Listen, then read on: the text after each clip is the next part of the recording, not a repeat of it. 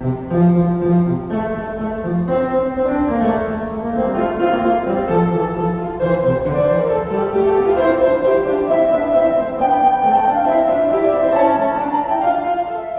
Ek is in die St Andrews Presbyteriaanse Kerk hier in Kaapstad en ek gesels met Rolof Temming wat sopas sy eerste solo uitvoering gegee het op klavier. Rolof is 'n 16-jarige leerling aan die Paul Roos Gimnasium in Stellenbosch. Rolof, vertel vir ons hoe jy dit ervaar om vanaand hier te speel. Ek het dit regtig geniet om hier te speel. Ek het baie van die klavier gehou en dit was 'n wonderlike audience ook. Dit was 'n baie lekker experience. Jy het al heelwat meestersklasse geloop by van ons land se beste musisi. Vertel ons wat het jy by hulle geleer en watse wenke het hulle vir jou gegee? Ehm um, ek onthou die eerste een was by Joseph Stanford wat ehm um, ek regtig baie geniet het. Hy het so soveel snaakse en en goeie vergelykings gemaak. Byvoorbeeld die een ehm um, die klimaks van die instuk moes geklink het soos 'n mini Hiroshima. Ehm um, die ding van professor Stanford is die goeie vingersettings wat hy het. Ek het geleer om regtig snaakse dalk onkonvensionele vingersettings te gebruik. So dit is eintlik 'n groot ding by hom.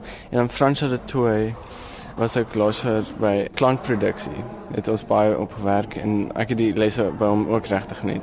Die afgelope paar jaar het jy 'n ongelooflike tyd agter rug want jy het nie net aan kompetisies gedeelneem maar jy het ook die voorreg gehad om saam met orkeste te speel. Vertel my daarvan. Die eerste keer was 3 jaar terug wat ek saam met die Hugo Lamregs orkes gespeel het wat ek dit was net 'n strykorkes wat ek nog saam met Leon Hotson opgetree het wat verlede jaar gelede is. So dit was my eerste orkes optrede en dit was regtig ek hou amper meer van orkes saam met 'n orkes optree as solo. En toe later het ek sommer 4 keer saam met orkes optree. Toe ek Prokofiev gespeel. Ja, en dit was dit is regtig die ultimate. Jy kom uit 'n baie musikale familie en die van Temming is op bekend Suid-Afrika vir musiek. Wat se invloed het dit op jou gehad om in 'n musikale familie groot te word? Ek dink dit het regtig 'n groot bydrae gehad. Ehm um, toe ons klein was het ons klassieke musiek geluister. Uh, selfs my suster wat nou nie meer so ingestel is daarop nie. En ehm um, ja, dit, ek is regtig trots om uit hierdie familie uit te kom en om al die gene te geërf het op ek. maar ja. Vertel ons wat jy program vanaand saamgestel, watter van die komponiste was jou gunsteling komponiste? Rachmaninov op op hierdie ehm um, program was definitief my gunsteling. Ehm um, my gunsteling komponist is eintlik Prokofiev.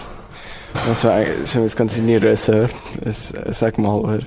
Maar ja, ek het ook baie gehou van die Debussy. En hoekom is dit jou gunsteling komponis?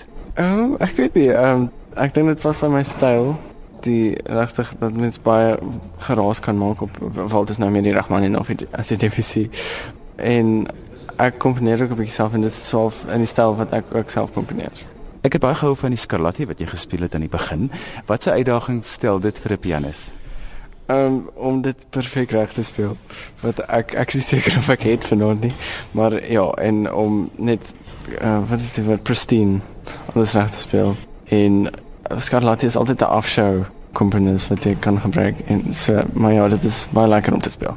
As jy jou program saamstel, wat hou jy in gedagte en wat is die agtergrond van hoe jy die volgorde bepaal? Ehm um, my ma help my baie daarmee. Sy is my onderwyseres, maar ehm um, om stukke te kies, uh, luister ek maar ek luister na klassieke musiek en ek speel uh, meestal werke wat ek self gekies het waarvan ek net baie hou. Dis die baie Rachmaninoffs uh, wat ek speel het vanaand en dit is maar dit bepaal word en dan my ma het maar die volgorde uit te kies ja. Nou wat se ander musiek luister jy en wat is jou stokperdjies? Ek spandeer baie tyd vir klavier, maar ander musiek wat ek luister is bands soos Coldplay of Polytones of, of selfs Foot No Dance en en dan nou ek ook van lees en swem en tafeltennis en baie van tafeltennis en dan ja ons ons het vakansie huis in Kleinmond so dan swem ons elke dag daarso in die rivier. En wat lê vir jou voor hierdie jaar? Wat beplan jy en gee ons 'n idee van dit jy al besluit wat jy eendag wil gaan doen? Hierdie jaar ehm um, sal ek maar deelneem aan al die kompetisies soos Artscamp byvoorbeeld en ATKV. Uh, ek hoop om so met uh, Wilmien Jansen van Rensburg uh, klavier en viool doen. En ehm um, na skool uh, besluit ek nog of ek musiek of finansies wil gaan studeer. Maar as ek musiek sal studeer, dan sal ek definitief oor see gaan. Klavier is nie jou enigste instrument nie. Ek speel ook viool. Maar ehm um, ek is 'n bietjie beter in klavier. Maar ek het eers begin met viool. Ek het begin met viool toe ek 4 jaar oud was by professor Jack de Wet. Ek is nou weer by hom. Ek is so bevoorreg om by hom viool te neem. My, hy is nou 86 jaar oud dink ek. En ja, dit dit geniet ek ook nou baie. Want by professor Jack ek kan nie anders as om te vorder nie. As jy nou vir die jong mense daar buite moet sê wat is bevredigend aan om pianis te wees, wat sal jy sê? Nou is dit mens moet oefen. Want as jy baie oefen dan jy kan later sien hoe jy vorder en dit is baie bevredigend. En dan om so mooi klank uit 'n klavier te kry en dan die mense se reaksie te sien, dit is dit is wat dit die moeite werd maak.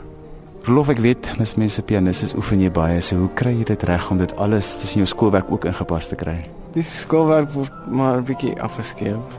Maar ehm um, die nagte is lank en ja, so ek slaap nie so baie nie. Die skoolwerk is nie so 'n groot ding in my lewe nie. Alhoewel jy eerste in jou graad is. Nie meer nie, actually. ek is nie. nie.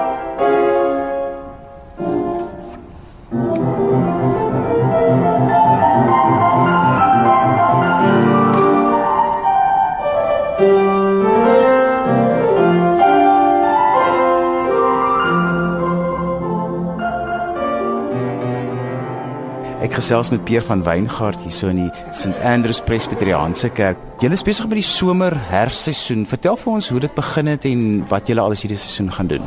Die konsertreeks kom nou al van 2007 af. Um Barry Smith wat nou baie bekend is in die Kaap uh, musiekkringe. Hy was vroeër uh, oralis gewees by die St George Kathedraal.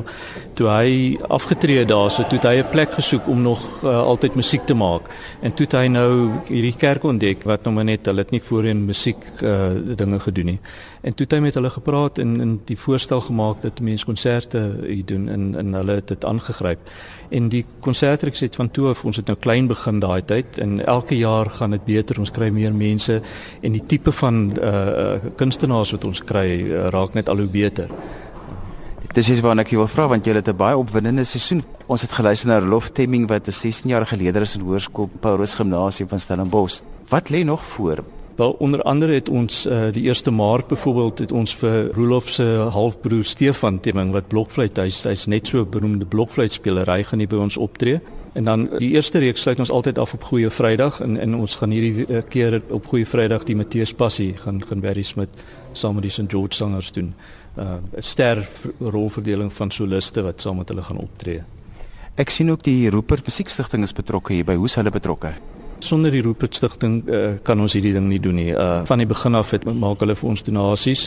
Meeste van hierdie konserte werk maar teen 'n verlies uit. Daar's daar's geen manier wat ons dit kan doen sonder hulle hulp nie. So ons is baie dankbaar vir hulle. Dan is daar 'n spesifieke konsert hier rondom die 22ste wat gaan oor die orgel wat hier in die kerkie is.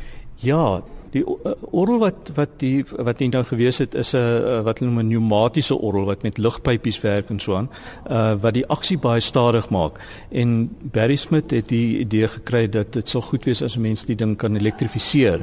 En uh, weer eens die uh, uh Hanlie Rupert het dit uh, baie goed gunstig dit sê ingestem om uh, die befondsing daarvan dit dit, dit kos baie geld om so iets te doen die elektrifisering. En dit is nou voltooi en ons gaan da, dit, dit nou basies die orgel inwy op die 20 en Hanlie Rupert gaan saam met Perry optree